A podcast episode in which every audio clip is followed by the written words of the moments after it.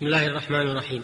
الحمد لله وحده لا نحصي ثناء عليه وكما أثنى على نفسه والصلاة والسلام على نبينا محمد وعلى آله وصحبه ومن تمسك بسنته واهتدى بهديه إلى يوم الدين. أما بعد أيها المستمعون الكرام السلام عليكم ورحمة الله وبركاته.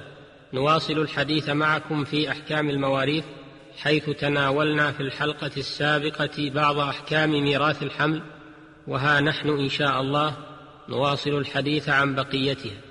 فقد ذكرنا في الحلقة السابقة شروط توريث الحمل وما يتعلق بها من مباحث وموضوع حديثنا الآن فيما إذا كان في الورثة حمل وطلبوا القسمة قبل وضعه ومعرفة حالته من حيث الإرث وعدمه. والذي ينبغي في هذه الحالة الانتظار حتى يعرف مصير الحمل خروجا من الخلاف ولتكون القسمة مرة واحدة فإن لم يرضى الورثة بالتأخير والانتظار إلى وضع الحمل فهل يمكنون من القسمة؟ قد اختلف العلماء رحمهم الله في ذلك على قولين. القول الأول أنهم لا يمكنون وذلك للشك في شأن الحمل وجهالة حالته وتعدد الاحتمالات في شأنه تعددا يترتب عليه اختلاف كبير في مقدار إرثه وإرث من معه. فتجنبا لهذه المحاذير ينتظر إلى وضع الحمل ومعرفة حقيقته. القول الثاني أن الورثة يمكنون من طلبهم ولا يجبرون على الانتظار لأن فيه اضرارا بهم إذ ربما يكونون فقراء أو يكون بعضهم فقيرا ومدة الحمل قد تطول فيحصل التضرر. والحمل يحتاط له فيوقف له فيوقف له ما يضمن سلامة نصيبه فلا داعي للتأخير. وهذا القول هو الراجح فيما يظهر. لكن اختلف العلماء الذين قالوا بهذا القول في المقدار الذي يوقف للحمل لأن الحمل في البطن لا يعلم حقيقته إلا الله حيث تتجاذبه احتمالات كثيرة من حياته وموته وتعدده وانفراده وذكوريته وأنوثيته ولا شك أن هذه الاحتمالات المتعددة تؤثر على مقدار إرثه وإرث من معه.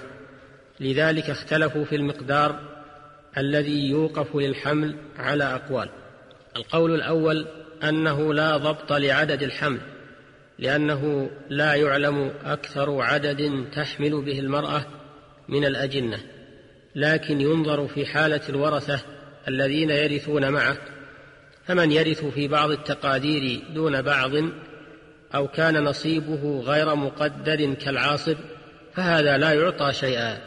ومن يرث في جميع التقادير متفاضلا فإنه يعطى الأنقص. ومن لا يختلف نصيبه في جميع التقادير فإنه يعطى نصيبه كاملا.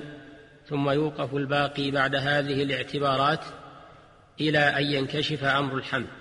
والقول الثاني أنه يعامل الحمل بالاحظ ويعامل الورثة معه بالأضر فيوقف للحمل الأكثر من ميراث ذكرين أو أنثيين ويعطى الوارث معه اليقين من نصيبه فإذا ولد الحمل وتبين أمره أخذ من الموقوف ما يستحقه ورد الباقي إن كان أكثر من نصيبه إلى مستحقيه.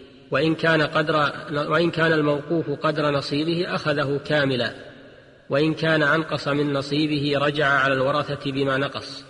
القول الثالث أنه يوقف للحمل حظ ابن واحد أو بنت واحدة أيهما أكثر لأن الغالب المعتاد ألا تلد الأنثى أكثر من واحد في بطن واحد فينبني الحكم على الغالب ويأخذ القاضي من الورثة كفيلا بالزيادة على نصيب الواحد لأن الحمل عاجز عن النظر لنفسه فينظر له القاضي احتياطا.